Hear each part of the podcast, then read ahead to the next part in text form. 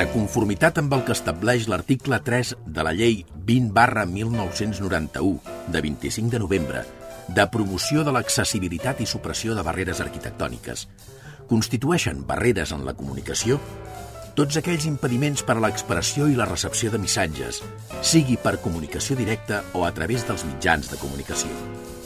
És per això que, emparant-nos en aquesta llei, volem que cada ciutadà gaudeixi del seu propi espai per moure's. Un espai sense censura. Un espai en què vosaltres sigueu els protagonistes. En definitiva, un espai per tothom.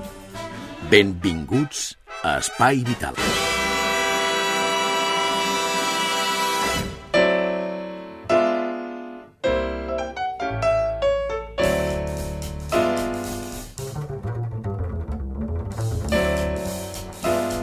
Senyores, senyors, què tal, com estan? Benvinguts, ben trobats a la sintonia d'Espai Vital.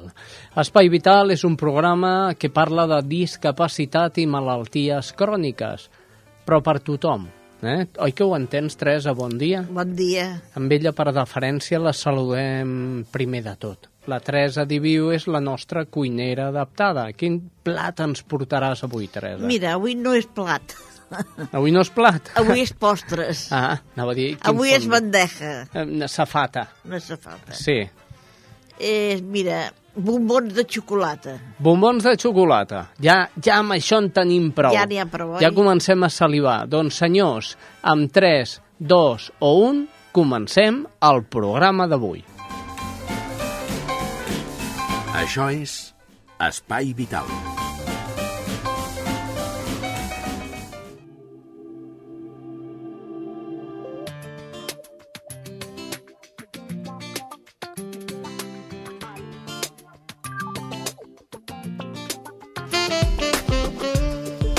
I ha arribat el moment perquè ja fa molt de temps teníem una cosa preparadeta al nostre calaix d'Espai Vital. Avui torna l'Anna Ballesta i, i sus secuaces, eh? Adimir, l'espai Adimir que Espai Vital us ofereix cada cop que pot. Escoltem-ho. Hola Xavi, hola, moltes gràcies. Eh, moltes gràcies per donar-nos una altra vegada un, eh, bueno, una temporada més l'oportunitat de tenir aquest espai Adimir dintre de l'Espai Vital. Aquest any també tenim molts projectes, eh, moltes innovacions que us anirem explicant doncs, eh, cada mes, com sempre, però a més a més eh, aquesta temporada volem també donar l'oportunitat de que es puguin presentar més col·lectius, més associacions de discapacitats que també estan fent molt bona feina aquí al nostre país i sobretot en les proximitats de Barcelona i els pobles eh, doncs, que estem molt a prop de, de, de la ciutat. No? En aquest cas, avui contem amb la presència del president d'un col·lectiu, del col·lectiu Papàs de l'Àlex. És un col·lectiu innovador, és un col·lectiu que està fent molta feina, que estan tenint eh, molta difusió als mitjans de comunicació i nosaltres des de Dimir els hi donem el nostre recolzament, eh, veient que estan fent una molt bona tasca en un àmbit on fins ara mm, creiem que tampoc s'estava fent eh, doncs, eh, eh, massa feina, perquè bueno, ja sabem el que és tenir eh, doncs, persones amb discapacitat dintre d'una família, i pensem que pot aportar doncs, eh, un, un, una nova manera de treballar o fins i tot d'anar-hi eh, més enllà on molta gent a vegades no sap o com arribar. Donem la benvinguda avui a l'Antonio Moreno, el president del col·lectiu. Antonio, molt bona tarda. Buenas tardes. Hola, molt bona tarda. Primer de tot, per entrar en matèria, ja he dit que vosaltres doncs, sou un col·lectiu eh, una mica innovador, però primer de tot, què és el col·lectiu Papàs de l'Àlex? Home, té una... mm, Mira, jo, si em permets, Anna, Sí. et parlaré en català i en castellà. Molt bé, me'n sembla Saps per què? perfecte. Per què? Perquè com hi ha una sentència del Tribunal, Sub... del Tribunal Constitucional que diu que es pot parlar amb les dues llengües, Mm. parlaré mig-mig perquè ningú membre d'administració es senti al·ludit, ni, ofe... ni, o- ni ofès. Molt bé, estem totalment d'acord i endavant. Què és el, què és el col·lectiu Papàs de l'Àlex? Pues mira, es tan senzill com un furúnculo en las posaderas de la administración. Veig que avui estàs una mica canyero, eh? Com No, a, no, no, no, Amb el teu estil. No, no, a veure, podria dir que soc, soc un gran en el cul, però per dir-lo d'una manera molt fina, sóc un furúnculo.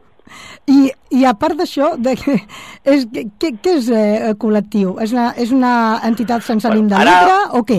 A veure, ara parlant, En sèrio, en sèrio. parlant més una mica en sèrio, Ah, això mateix. Papàs d'Ales és una entitat de drets civils de la discapacitat. Uh -huh. Val? Com neix, o com són els, els, els inicis de, de la CPA, del col·lectiu Papàs d'Ales? Això neix en el mes d'abril de 2006, a instàncies d'un pare que pensant que si ell tenia problemes de tota índole para Ujú. intentar cau- encauzar la vida de su hijo Sí. a nivel administrativo y legal, era lógico pensar que el resto de familias tuviesen también problemas iguales o parecidos. Uh -huh. Por eso convocó a todos los padres y madres a través de las AMPAs de, de colegios de educación especial para intercambiar experiencias y comprobar que no estaba equivocada, equivocado. Uh -huh. Claro, dicha convocatoria tuvo un gran eco y efectivamente pudimos constatar que todos los padres y madres que teníamos los mismos problemas, Sí. que por otra parte no se solucionaban a través de las diferentes asociaciones de las cuales cada familia ya pertenecía en función de la enfermedad de su hijo, porque nuestro problema era además el tener que peregrinar, y subrayo, el tener que peregrinar incansablemente por las administraciones en busca de información y recursos. Por eso, aquella primera reunión marcó el antes y el después de una reivindicación de un, movimiento civil por los derechos de nuestros hijos. Podríem dir llavors que és un col·lectiu que el que treballa és eh, eh, El els dret drets de les persones o dels nens o dels nostres fills amb discapacitat davant de l'administració, no? Correcte. Aquí el que passa és que aquí seria un tema molt ample per hablar, Mhm. perquè aquí l'administració és muy picarona Uh -huh. o muy víbora. Yo creo que más bien es más víbora, Uh -huh. porque te pica y te lanza un veneno siempre con muy sutil amenazas, ¿no? Mhm. Pero bueno, eso es un tema aparte.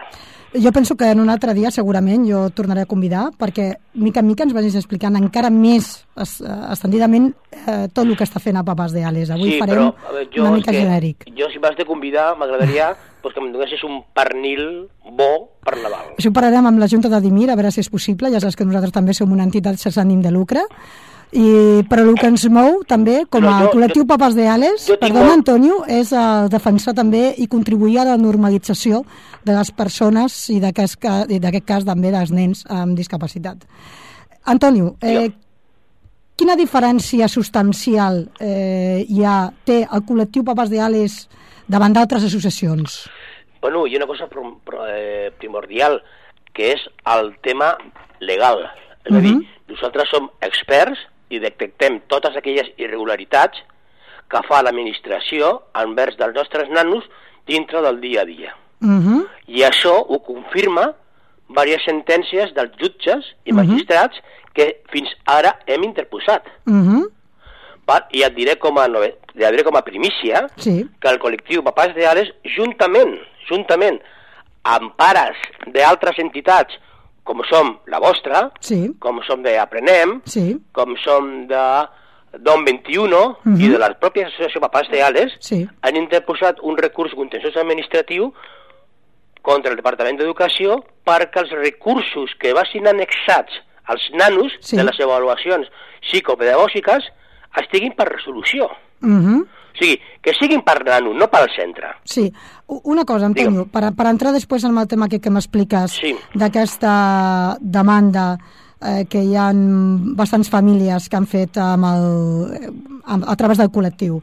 Eh, Papàs de Ales, eh, per lo que a mi m'han informat les meves fonts, i perquè l'he parlat amb tu, disposeu d'un gabinet jurídic, no? Sí, a un cost bastant assequible per a les famílies. O sigui, això vol dir que mm, diríem que és la diferència, eh? suposo que deu ser la diferència més, més substancial mm, amb la qual va encaminada la vostra feina, de que hi ha un gabinet jurídic, vull dir, hi ha una, hi ha una informació legal de la que pot disposar les famílies que jo penso que fins ara està bastant oblidada en aquest sentit, no? Vull dir que no sabien ben bé el que tenien que fer, on tenien que anar-hi, eh, què podien... Eh, Fer. què podien fer, a qui podien demanar explicacions i, a més, també doncs, no sempre està d'acord amb el que diu l'administració, no?, en quant als recursos dels nostres fills.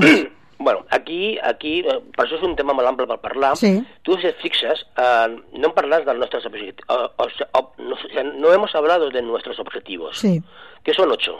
Que es defender, actuar, orientar, asesorar, acompañar, intervenir, demandar y denunciar. O sea, son ocho, ocho objetivos claves para el acompañamiento de una familia con, con hijos con discapacidad. O para la propia persona con discapacidad. Ujú. Davant sempre, parlem sempre de la intervenció davant de l'administració, que en Mira, molts casos posaré és... un exemple. Sí, Un exemple que fa poc, eh, no puc dir noms per la protecció de dades, sí, però per exemple una mare em trucava, est- tenim un procés via judicial, sí. en el tema de que això de recursos on estan els nanos, no? Mhm. Aquesta família va, va signar un dictamen que no estava d'acord Sí, i li va trucar la, la inspectora sí, va, dient, escolti'm, si això no ho signa, sí. doncs clar, no podrà continuar el seu projecte educatiu. O sigui, m'estàs dient que... Estic en dient que l'administració Sí. el que vol és intimidar d'una manera perquè no es faci complir les pròpies normatives que ells saben. ¿Me explico? mhm. A Llavors jo li vas a aconsellar a aquesta família, pues mira, dile que te diga la hora Sí. y el día que llamas con notario a ver si tiene narices de hacerlo. Mhm. Perquè, O sigui, clar, estava perdona, amenaç- perdona, Anna, un segon. Sí, sí, sí, perdona. Perquè, perquè aquí no sap aquesta família Sí. que té el dret constitucional de l'educació gratuïta i obligatòria Mhm, i per ser una no, amnistia educatives especials Sí, la obligatorietat part de l'administració de, de donar-li de donar-li la educació a la seva d'acord amb les seves necessitats, no? Correcte, Suposo. correcte. Vull dir, en aquest cas era una... Em sembla que ser d'aquest cas era una família que demanava un recurs d'auxiliar... Bueno, com, com altres exemples que, Com altres exemples. que podria dir-te Sí, també. i en tema de- aquest cas l'administració, en comptes d'avaluar la situació i dir a veure si toca o no toca, además sé que hi havia informació de la sanitat pública, etc etc. vull dir que és un cas bastant extens i amb bastanta informació i documentació, sembla ser que la- l'administració en aquest cas el que va fer és doncs, imposar el seu criteri sí, exacte. sense, sense, sense mirar a l'ordenament jurídic Mhm. en el qual es protegeix a les famílies amb nens amb I discapacitat. aquí ens on entra papàs de l'Àlex I sí. amb el seu gabinet jurídic i diu, "Ma família, vosaltres teniu aquests drets, Sí, a la família se l'orienta de Mhm. com ho ha de fer. Després la família I què és el que ha de contestar Mm aquella inspectora? Que I ho de- faci, ho faci. Jo encantado que lo haga. I d'allò que m'estaves explicant d'aquesta demanda d'educació, Sí. perquè s'entengui ben bé, vull dir, jo, jo introdueixo una mica el tema, després tu m'acabes de corroborar, eh, si és Mhm. així. Aquesta demanda que esteu posant a educació és que el Departament d'Educació, quan hi ha un nen amb necessitats educatives especials, fa una resolució, No, no. A veure, la primer, el primer que es fa quan es detecta, quan, per exemple, una mare o una mare o, la, o el professor o la mateixa administració detecta que hi ha un nano que, que possiblement necessita necessitats educatives especials, sí, el que fa es, Sí. bajo una demanda, es enviarlos al EAP, al equipo de asociación psicopedagógico, Sí. para que les hagan una evaluación psicopedagógica. Mhm. Bé, en aquí ja estem, entrem amb un... És que és una mica complicat, a veure si m'explico bé perquè la seva entengui. Aquí estem entrant en un procediment administratiu. mhm, En un procediment administratiu. sí, Val? Sigui a instàncies nostres o bé de la pròpia escola o de la pròpia administració. mhm, Val? D'aquesta avaluació psicopedagògica val? es treuen uns recursos als nens i, i, es, deu, i es fa un dictamen Sí. d'escolarització, mhm, d'acord amb la necessitat i els recursos que té el nano. Ahà, que necessita el nen. mhm. Correcte. Què qual és el problema? El problema que, que, que informació que ha d'anar als pares, Sí, el, el, el departament té instruccions pels CEAPs que no li doni aquesta informació o aquestes, aquestes diguéssim, espe, eh, fulles administratives Sí. per informació del pare. mhm. M'explico? M'explico? Vull dir que aquí la família queda una mica supeditada a la informació verbal No, que li aquí doni, la familia no? queda... Aquí... Mira, justamente he hecho un análisis ahora de tochos de la administración y me sale que se me, se me ha estropeado el ordenador ahora. Aquí la família es troba molt indefensa. Molt, Mhm, però molt. mhm. Clar, perquè no coneix informació, tampoc, No, no? perquè, a veure, hi ha una cosa que és molt clara, que el mateix, el mateix Codi Civil, Sí, artículo 154, habilita a los padres para defender a sus hijos. mhm, y, y la, y la Agencia de Protección de Datos así lo haga también. sí, Per tant, les adminis- més, la llei 30 de procediment comú administratiu i la pròpia llei nova catalana de procediment administratiu, com a l'Estatut de Catalunya, diu clarament que els pares tenim, o les, qualsevol persona té accés, dret a l'accés al seu expedient. mhm, Per tant, com és que no lo impiden? sí, O sea, aquí, aquí lo que está claro es que no hay una claridad una claridad en el procedimiento. Mhm. O sea, es como un, vet- un, un coto de caza privado. I llavors, amb Perdona, aquesta... perdona, porque si hubiese transparencia, Sí. a mí qué más me da darte un papel que no, Sí. ¿no? Llavors, amb aquesta demanda que estan fent aquestes famílies a través del col·lectiu de papes de Ales, Sí. és per demanar exactament, i molt clarament, Antonio, que s'entengui molt bé Sí, què és el que que els s'està demanant. recursos que, que surten de l'avaluació psicopedagògica Sí, vagin annexats en resolució al nano. Vale. amb aquest document oficial que diu quin és el projecte educatiu del nen, es a la resolució final. a la resolució final, que és el Ah, document sí. oficial, Després, és que hi ha un altre tema també. És a dir, como, mm, cuando lo evalúan, ¿qué métodos, cómo lo evalúan? Mhm, Però jo tinc, o sigui, jo com a pare no puc portar un altre professional per fer un contraste, no? Mhm. Per aviam, Sí. perquè el Departament d'Educació no és Déu, no és Déu omnipotent, mhm, mhm, al igual que el Departament d'Acció Social. mhm, Tampoc són déus omnipotents. mhm. Perquè no hi ha un treball conjunt família, EAP o família educació, Sí, que si uns pares tenen un professional que estan portant el seu fill i és un bon professional perquè ells ho, ho consideren. sí, Perquè el que està molt clar que nosaltres no som professionals ni experts. sí. Però quan hi ha algú que no funciona bé, Mhm, tenim un sexto, un séptimo i un octavo sentido. mhm, mhm. ¿Estamos de acuerdo? Sí. Llavors, eh, eh, per, mm, per continuar parlant una mica, perquè no ens ens vagi el temps, Sí, digue'm.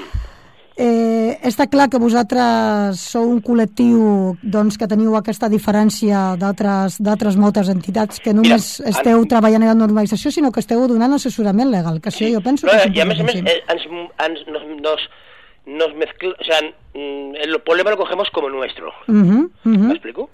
Entenem llavors, eh, parlant de tot el que estem parlant, d'aquesta demanda que esteu fent a educació, de, de que Però hi ha no hi ha una transpa- eh? Sí, sí, sí, però mm, aquesta, com que és global, que hi ha més famílies, ja sé que després hi ha de cada família privada, mm, ja sé que teniu més casos, però aquesta col·lectiva em semblava que era prou, prou eh, Important. important per, per comentar-ho més àmpliament.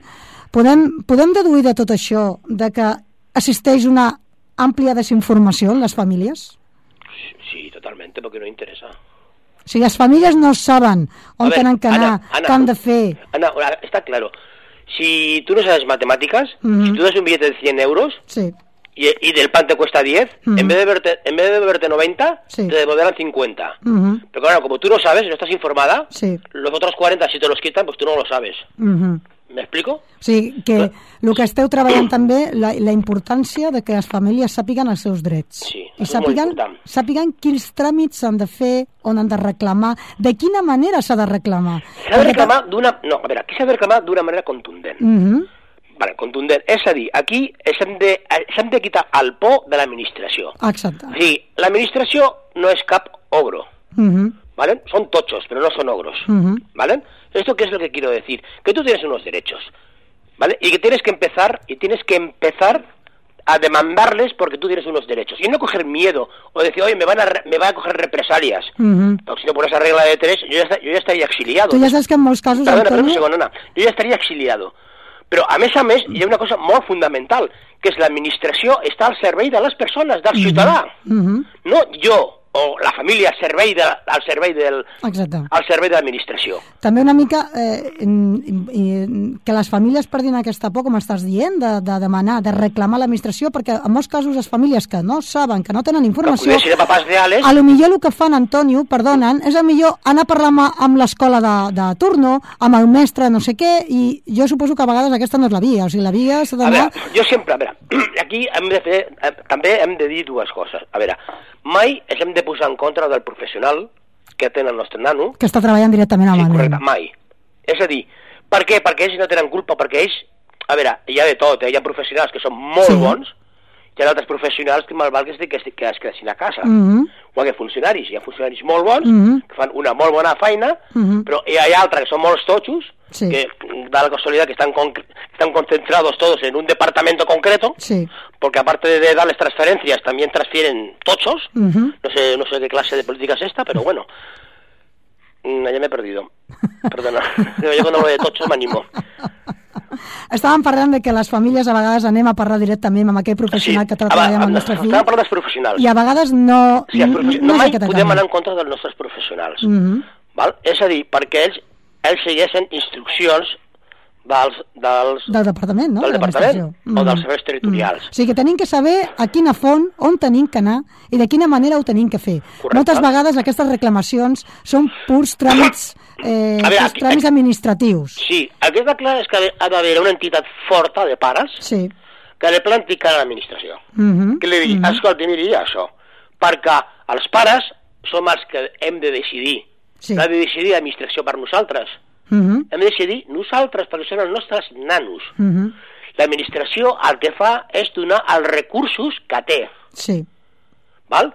I nosaltres com a pare hem de reclamar aquests recursos que tenen per millorar per millorar la qualitat de vida a un Mhm. estat del benestar, que diuen que és Mhm. Sí. molt del benestar. Mm -hmm.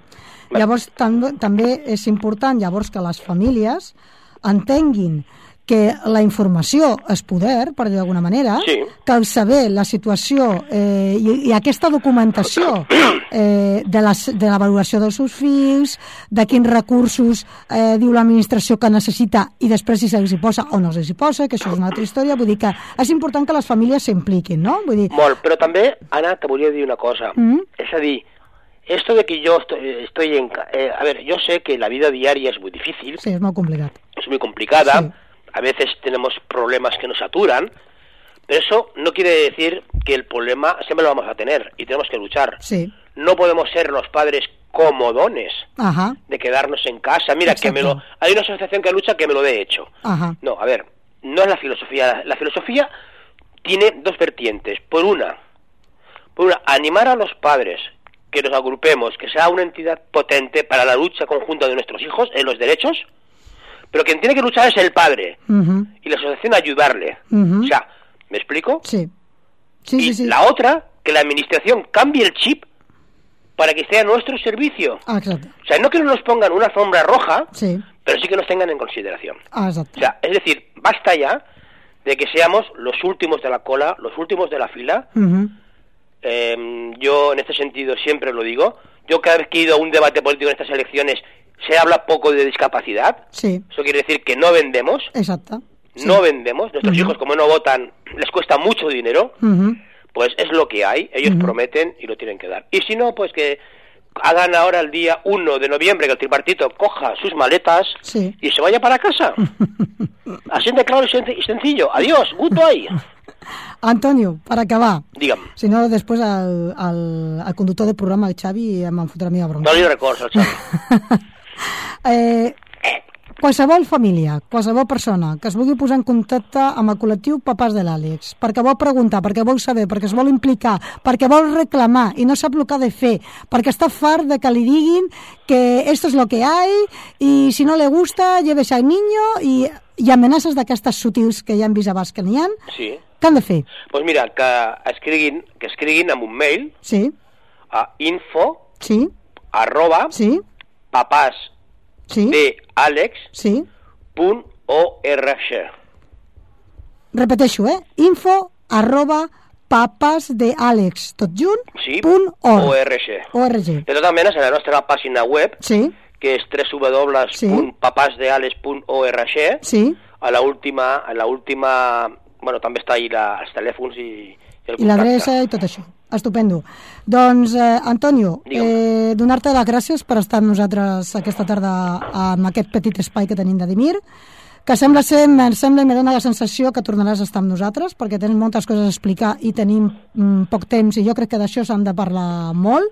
Ens aniràs explicant com va aquesta demanda col·lectiva, que jo penso que és importantíssima, eh, d'educació contra la, bueno, contra la manera de, que està treballant i està portant a terme recursos al Departament d'Educació i mm, donar-te sobretot això, ho torno a dir, les gràcies i ens veiem. Anna, em Digue'm. permets 30 segons? Sí, i tant. Ara hem fet últimament el joc de, la, el, jo, el joc de les paraules, que és, hem creat la P de preferència, Sí, volem crear la Q de qualitat dels serveis sí, i, per suposat, hem de crear la T de tocho, en mayúscula, sí. eh, para aquellos que, como esta situación de esta inspectora de otros casos, Sí. se les puedan enu- en- enumerar, Sí. pero cariñosamente. Y pues ya emplearemos otro más, otras tres juegos de palabras más. Estamos en ello. Gracias, Ana. Eh, gràcies a tu, Antonio. Al teu mm, humor sarcàstic, també, que, No, sí, que, jo sí me porto que té tota... La veritat és que tot té molt de veritat tot el que dius. I saps que des d'Adimir tens el nostre recolzament. Ah, yo pensaba que ibas a decirme que ya tenía el jamón. Això ho parlarem amb la Junta, a veure si és possible, però ja saps que no tenim massa fons, eh? bueno, yo tampoco. Gràcies, Antoni, una abraçada molt forta. A vosaltres i gràcies, Gràcies. per haver-me escoltat. Adéu-siau, gràcies. Xavi, doncs aquí ha arribat aquest programa. Jo penso que avui ha estat molt il·lustratiu. Eh, hem aprenem, penso que hem aprenem molt de lo que te- tenim que fer davant de l'administració, que no només és normalitzar nens amb discapacitat, sinó que la pròpia administració ha d'aprendre i ha de donar eh, el valor que té eh, els recursos que aquests, necessiten, aquests nens necessiten per poder desenvolupar el seu dia a dia i hem acabat aquí. Eh, ens, eh, els convido a continuar escoltant-nos el mes següent amb més um, projectes i amb més associacions.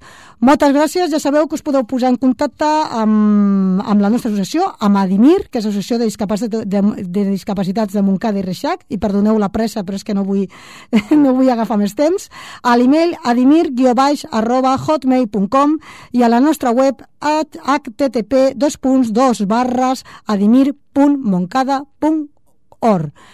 Bona tarda i adeu-siau! Estàs escoltant Espai Vital. I des de Ripollet, Cerdanyola, Montcada, Barberà, Santa Perpètua i Sabadell.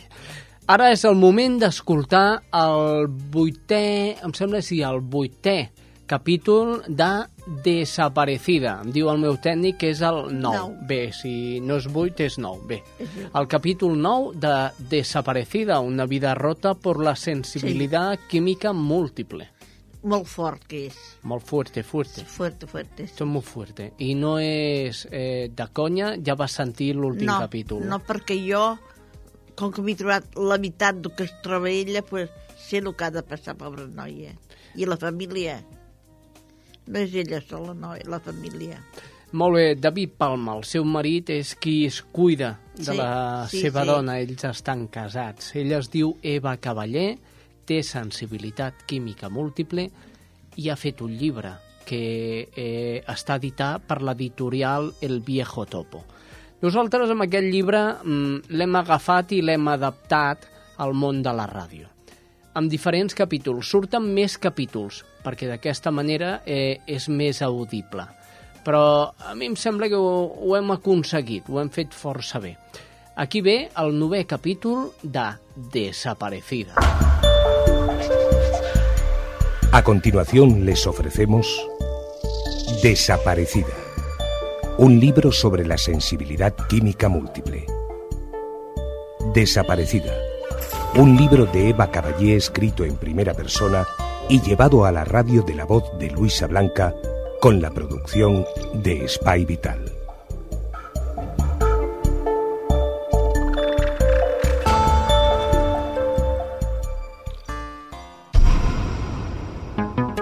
Mi cuerpo había pasado de hipertiroidismo a hipotiroidismo sin darme tregua. Me quitaron la medicación y a pesar de que no noté más esos desagradables síntomas, seguí cayendo en picado. Dejé de tener fuerzas hasta para hablar. Y cuando David venía a verme al salir del trabajo, evidentemente después de ducharse y cambiarse de ropa para que yo no me ahogara, me encontraba intentando aguantarme sentada en el despacho improvisado en el que se había convertido el comedor de mis padres. Yo intentaba guardar fuerzas, porque el rato que pasábamos juntos era lo mejor del día, pero no podía ni hablar. Nos teníamos que comunicar por palabras que iba tecleando en el ordenador, aguantando el inmenso dolor que este simple gesto me producía en la yema de los dedos. Día tras día me proponía no llorar, pero al llegar el momento no podía. Separados, cada día más enferma, sin diagnóstico, sin ningún médico que quisiera investigar qué me pasaba. Y llevaba un año sufriendo, agonizando. Ya se me habían quitado de encima endocrinos de dos hospitales diferentes. Después de enfrentarme a ellos porque al no encontrar nada, me recetaban ir al gimnasio y distraerme. El fin de semana, si podía, pasábamos las tardes estirados juntos en la cama sin hablar. solo para sentir que mi vida y mi lucha aún tenían algún sentido. No paraba de pensar que lo estaba perdiendo todo. Trabajo, amigos, ocio, hogar y mi pareja. ¿Qué había pasado con mi vida? Yo seguía investigando por Internet. Quería saber qué me pasaba. No entendía cómo, a pesar de encontrarme tan mal y perder peso sin parar, no me moría. Mi decadencia física llegó al límite de tener que cortarme el cabello porque su peso me ahogaba. Para levantar un vaso con dos dedos de agua necesitaba las dos manos y aún me provocaba taquicardias el esfuerzo. Me tenían que lavar el cabello y secármelo porque yo no podía. Y necesitaba que me levantaran del sofá o la silla. Es muy duro encontrarte así y no saber el por qué. Durante el tiempo de incertidumbre lloré mucho, tanto que ya no me quedaban lágrimas. El miedo y el terror a lo desconocido se apoderaban de mí. Ahora estoy peor, pero más serena. Como mínimo sea lo que me enfrento. Un día busqué tiroiditis de Hashimoto, así se llama la enfermedad de tiroides que sufría, alergias y no sé qué más, y me apareció el síndrome de fatiga crónica. Al leer los síntomas supe que era lo que me estaba pasando. Además, iba de la mano de la sensibilidad química múltiple que yo estaba convencida que sufría. Llegó la Navidad y en la empresa nos regalaron un ordenador portátil. Yo me sentí culpable de que me lo dieran cuando ya llevaba un año de baja. El día que David me lo trajo estaba tan contenta. Estuve instalando el sistema operativo, poniendo programas y configurándolo todo, cuando de golpe tuve una crisis brutal. Me ahogaba, me dolía todo el cuerpo, parecía que me iba a morir. Es la primera vez que tuve una crisis provocada por un esfuerzo mental. No me podía creer que pensar también me pasara factura. Por aquel entonces, una doctora tomó mucho interés por mi caso y a pesar de que el resultado no fue positivo, le estoy agradecida. Me hizo análisis muy completos porque ella inmediatamente sospechó de síndrome de fatiga crónica y si las pruebas así lo demostraban, me derivaría a una unidad especializada en esa patología. Salieron las alteraciones que más adelante supe que eran típicas de esta enfermedad. Anticuerpos de virus como Epstein-Barr y parvovirus, y exceso de vitamina B12 y déficit de ácido fólico. Pero por desgracia salió un parámetro que cambió el curso de lo que habría podido ser mi diagnóstico al cabo del año de enfermar. Eva, mañana tienes que venir al hospital porque ha salido la histamina altísima y he hablado con medicina interna y todo apunta a la mastocitosis sistémica. Esto explicaría tu fatiga extrema, las manchas rojas en la piel y la intolerancia a los olores y el calor. Vamos a hacer una punción external para biopsar la médula urgentemente, una densiometría y una ecografía de hígado, riñones y estómago. Me explica la doctora por teléfono. ¿Masto qué? Pregunto aturdida mientras intento procesar lo que me explica. No mires nada por Internet, que te asustarás. Te repito que no busques nada. Ven mañana para la punción. Me hacen un prediagnóstico y me exigen que no busque por Internet, que no me informe. Me tratan como si fuera una niña pequeña o imbécil. Resulta que nuestra ansia de buscar información tiene el nombre de síndrome del paciente informado. Nos acusan de querer saber, Evidentemente no le hizo caso y me informé. Mi inteligencia no ha sido aniquilada por mi enfermedad y soy perfectamente capaz de buscar información solo en sitios fiables. Consulté la web de la Asociación Española de Mastocitosis y experimenté varias sensaciones. Por un lado, el miedo a sufrir esta enfermedad y por otro lado la esperanza de pensar que al final de la búsqueda estaba cerca. Y sobre todo, el alivio porque quizás tendría algo reconocido, porque ya me habían avisado que si tenía el síndrome de fatiga crónica, era una enfermedad en la que muchos médicos ni creían.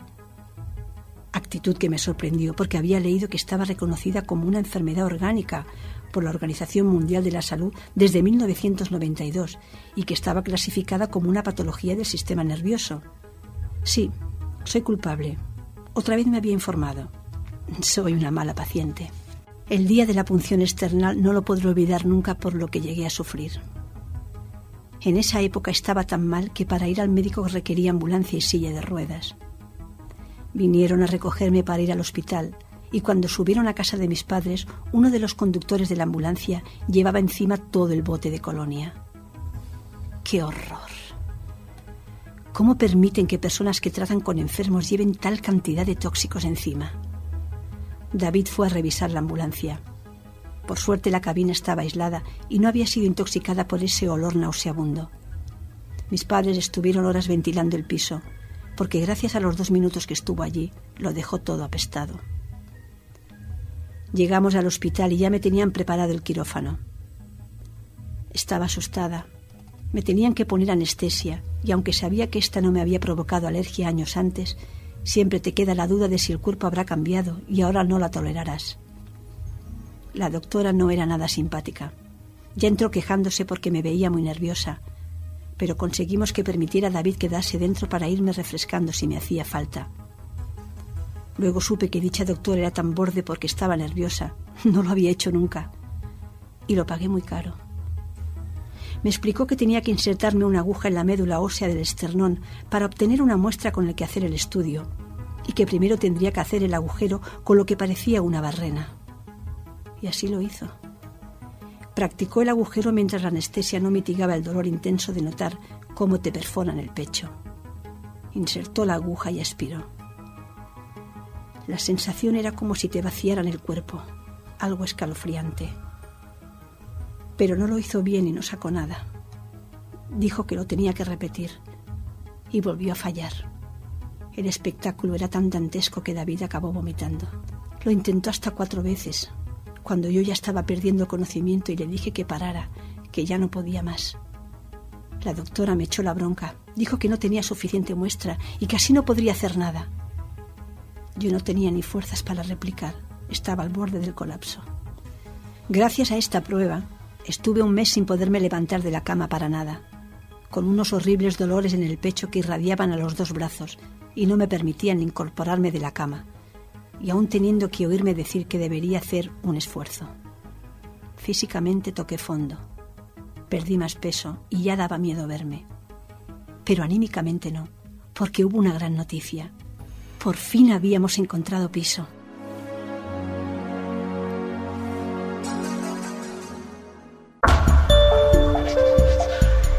Y hasta aquí, Desaparecida. Un libro sobre la sensibilidad química múltiple. Desaparecida. Un libro de Eva Caballé escrito en primera persona y llevado a la radio de la voz de Luisa Blanca con la producción de Spy Vital. Desaparecida un libro de la editorial El Viejo Topo.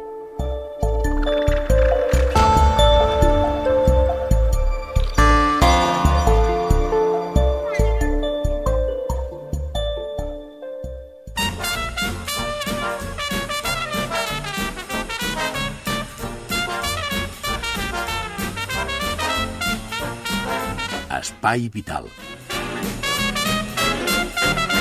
i un espai vital que vol fer la roda informativa. Però abans volem felicitar a la Papeta Serra de Borreda, que avui fa 100 anys. Uh, ojo, nena, 100 anys i ben portats, eh?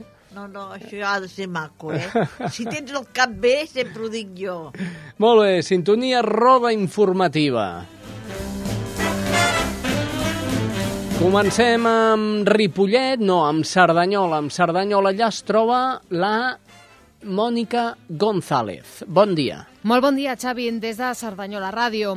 L'últim Consell de Govern de la Generalitat d'aquesta legislatura ha encarregat al Servei Català de la Salut la realització d'un concurs de gestió per a la concessió dels serveis públics sanitaris i la construcció de l'Hospital Ernest Lluc. La realització del concurs es farà el 2011 i, per tant, la construcció del centre sanitari quedarà en mans del govern resultant de les eleccions al Parlament. Un comunicat del CatSalut informa d'aquest encàrrec del govern, però no aborda un calendari concret de licitació d'obres ni de construcció del centre sanitari. El Servei Català de la Salut destaca que els plecs administratius i tècnics per a la realització del concurs es van aprovar el 19 de juliol passat. El govern de la Generalitat s'ha donat per assabentat de les actuacions realitzades fins ara en relació al centre sanitari des de que el 2004 la consellera Marina Geli anunciava la voluntat de construir l'hospital. Al llarg de les últimes setmanes, els alcaldes de les quatre poblacions afectades han manifestat en diverses ocasions la necessitat d'impulsar la construcció d'aquest equipament. En aquest sentit, l'alcaldessa de Cerdanyola, Carme Carmona, destacava que els possibles canvis amb les eleccions autonòmiques no han d'afectar la marxa de l'hospital, ja que és un projecte que no té caràcter polític, sinó de servei i confia en el principi de continuïtat de l'administració. I això és tot des de Cerdanyola Ràdio. Salutacions. Gràcies, Mònica. Anem cap a Ripollet. Allà es troba la Reme Herrera. Hola, Reme. Salutacions des de Ripollet Ràdio. Aquesta setmana us expliquem que Ripollet ha celebrat aquests dies el Dia Internacional per a l'Eliminació de la Violència vers les Dones, que es commemora el 25 de novembre. Des de la Regidoria de Polítiques d'Igualtat es va organitzar un programa d'activitats dirigit a totes les edats al voltant d'aquesta temàtica. Els actes es van iniciar el passat 24 de novembre la representació teatral de la parella ideal de la companyia Impacte Teatre a l'Auditori. Un bon nombre d'espectadors va veure aquest espectacle còmic que gira al voltant de les diferents perspectives sobre la parella a la nostra societat i pretén fer reflexionar el públic sobre la relació amb Madonna i l'absurda obsessió de trobar la mitja taronja. Dijous, dia 25 a les 12 del migdia, la regidora de Polítiques d'Igualtat, Maria del Mar Viera, va realitzar la lectura del manifest contra la violència vers les dones davant l'Ajuntament. L'alcalde, diversos regidors, així com treballadors municipals i ciutadans van ser presents a l'acte. La regidora va aprofitar la sessió plenària de la tarda per tornar a llegir el manifest que va ser retransmès en directe per Ripollet Ràdio. A banda d'aquests actes, la regidoria de Polítiques d'Igualtat ha organitzat un taller educatiu amb l'alumnat de sisè de primària de les escoles del municipi per fer un mural contra la violència que s'exposarà al Centre Cultural del 9 de desembre al 9 de gener. I això és tot des de Ripollet Ràdio. Fins la setmana vinent. Gràcies, Rem Herrera. Ràpidament anem cap a Barberà. Allà es troba Judit González. Salutacions des de Ràdio Barberà. Aquest dimarts, l'alcaldessa de Barberà del Vallès, Ana del Frago, acompanyada per la regidora del barri de la Romànica, Mònica Maya, i per la coordinadora de l'oficina del Pla de Barris, Rosa García, van visitar alguns dels edificis del barri de la Romànica que ja han finalitzat les obres d'instal·lació dels nous ascensors. Durant la visita als edificis, l'alcaldessa va parlar amb els veïns i veïnes de les comunitats que han realitzat les obres de rehabilitació en els seus edificis per conèixer de primera mà la valoració que en feien, així com del procés de les mateixes. Aquesta millora, que les comunitats destaquen com a molt positiva, afavoreix la qualitat de vida dels veïns i veïnes. Des de l'any 2008 fins l'actualitat, a través de les subvencions de la Generalitat de Catalunya i dels ajuts regulats a l'ordenança municipal per part de les comunitats de veïns i veïnes, s'han instal·lat o estan a punt de fer un total de sis ascensors. La instal·lació dels ascensors suposa un canvi molt positiu per la vida dels veïns i les veïnes, ja que, entre d'altres, soluciona el problema de mobilitat de les persones grans que viuen en edificis antics. Des que es va aprovar l'ordenança per atorgar ajuts a la rehabilitació i per la instal·lació d'ascensors dins del marc del Pla de Barris de la Romànica, l'Ajuntament ha atorgat prop de 400.000 euros en ajuts a les diferents comunitats de veïns. Molt bé, fins aquí Judit González de Barberà. Anem ràpidament a Montcada i recuperem aquesta noia que feia temps que no la sentíem, la Sílvia Díaz. Hola, salutacions des de Montcada de l'Espai Vital. Una de les entitats que s'ha beneficiat dels Premis 2010 de l'obra social d'UNIM, els antics guardons de Caixa Sabadell, ha estat l'Associació Catalana de la Síndrome de Red, que té la seva seu a Montcada des de fa aproximadament un any. L'entitat dedicarà la subvenció al seu projecte de suport als cuidadors i familiars de les persones que pateixen aquesta malaltia. El que es pretén és que els cuidadors, que es fan càrrec de les nenes, disposin d'atenció específica, puguin intercanviar experiències i, d'altra banda, tinguin temps per a ells i conciliin la seva vida vida laboral amb la família. Aquests objectius es materialitzaran en trobades, xerrades i tallers que el col·lectiu durà a terme entre el que resta d'any i el vinent. L'associació atén en aquests moments un total de 80 usuàries de tot Catalunya, de les quals una és de Montcada. La síndrome de Red és una malaltia de les denominades rares d'origen neurològic que afecta principalment les nenes i que té els seus arrels en una alteració genètica que encara, però, s'està investigant. L'obra social d'UNIM ha, ha destinat un total de 139.000 euros a 22 col·lectius col·lectius de la comarca en el marc dels seus premis socials lliurats recentment, que faran possibles 127 projectes. Doncs bé, això és tot. Fins la setmana vinent. Fins la setmana vinent. Eh, Sílvia, anem cap a Santa Perpètua de la Moguda. Allà es troba l'estrella Núñez. Hola, salutacions des de Ràdio Santa Perpètua. Aquesta setmana el Centre de Dia de Santa Perpètua ha celebrat una jornada de portes obertes per ensenyar a la ciutadania les activitats que s'hi duen a terme de forma habitual. El centre de dia ocupa un espai annex al Casal de la Gent Gran i la seva entrada es troba al carrer de Ramon de Badal. La jornada de portes obertes va començar a les 10 del matí amb un taller de mobilitat. Al llarg del matí també es va realitzar una altra de reminiscència que consisteix en recordar històries passades per prevenir malalties degeneratives. A la tarda es va fer una trobada intergeneracional, com la que du a terme l'alumnat del cicle superior de l'Escola Santa Perpètua.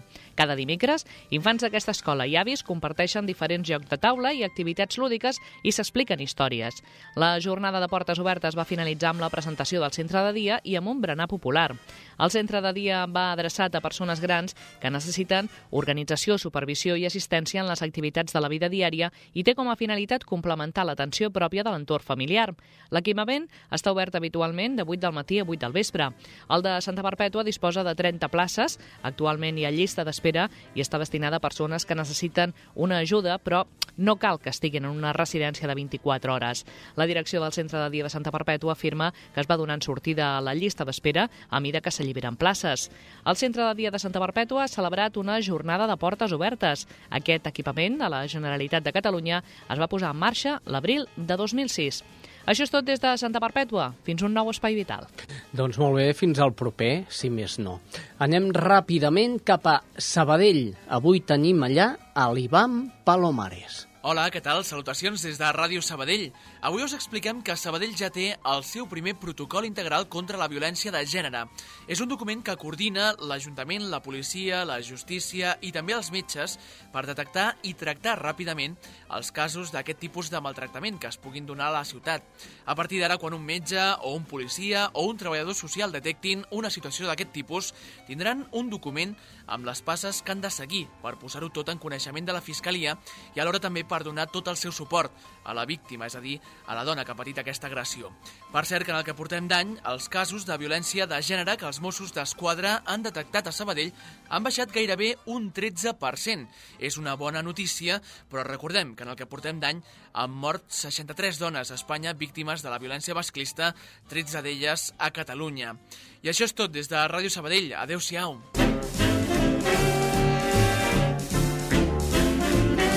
Estàs escoltant Espai Vital.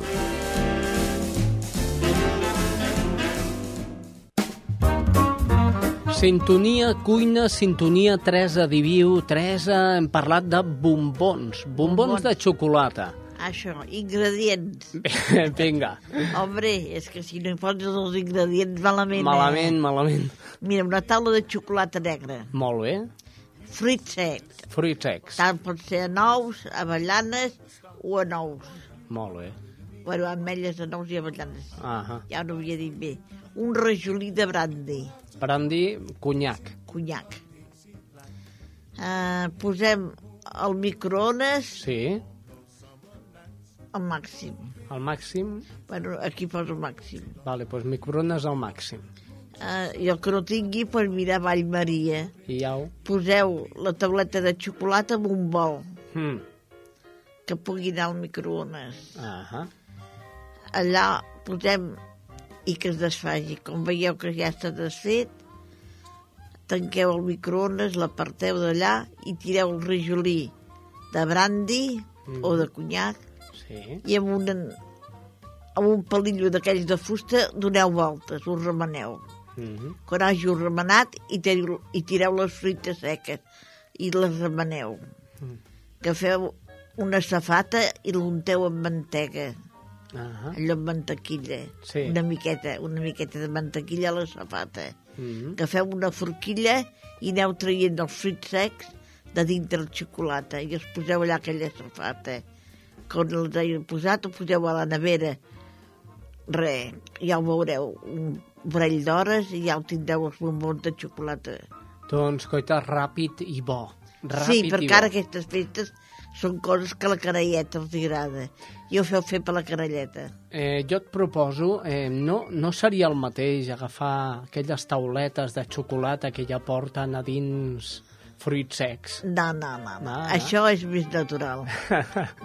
Molt bé, doncs marxem. Teresa Diviu i eh, Jordi Puy i Xavi Casas. Una setmana més a l'Espai Vital.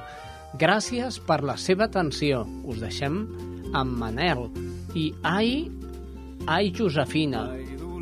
Dolors, eh, Dolors. Bueno, pues Dolors, no ve d'aquí. Porta'm al ball Avui que ve tothom Avui és quan hi hem d'anar. Ai, Dolors Vindré cap al tard. Amb un cop de cotxe i T'esperaré a baix. I Dolors, avui entre els caps no hi haurà mirades de complicitat. Ni Dolors, cap dit despistat que fregui una esquena per casualitat. Avui, Dolors, jo picaré un ritme amb les mans mentre tu treus els tiquets de l'enèsim combinat. Avui Dolors proposa un tema al cantant, un que rigui de tu i de mi i d'aquesta història que s'ha anat acabant. Va, Dolors, que avui serem dos nens grans. Res de tonteries, res de ser especials dos, tres. Un, dos, tres, xa, xa, xa. Taló punta, taló punta. I torna a començar. I dolors ningú esperarà cap escena dolça davant cap portal.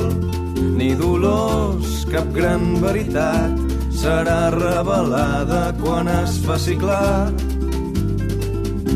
Avui, Dolors, mourem el cos al compàs d'un tambor accelerat, d'una gran línia de baix. Avui, Dolors, proposa un tema al cantant, un que rigui de tu i de mi, d'aquesta història que ja no és important un que ens defineixi en tres acords, un que ens expliqui a la posteritat, un que conscientment sigui un punt i final dolós, dolós, un que sembli impossible que pugui acabar. Dolós, un que sembli impossible que pugui acabar dolors, un que sembli impossible que pugui acabar.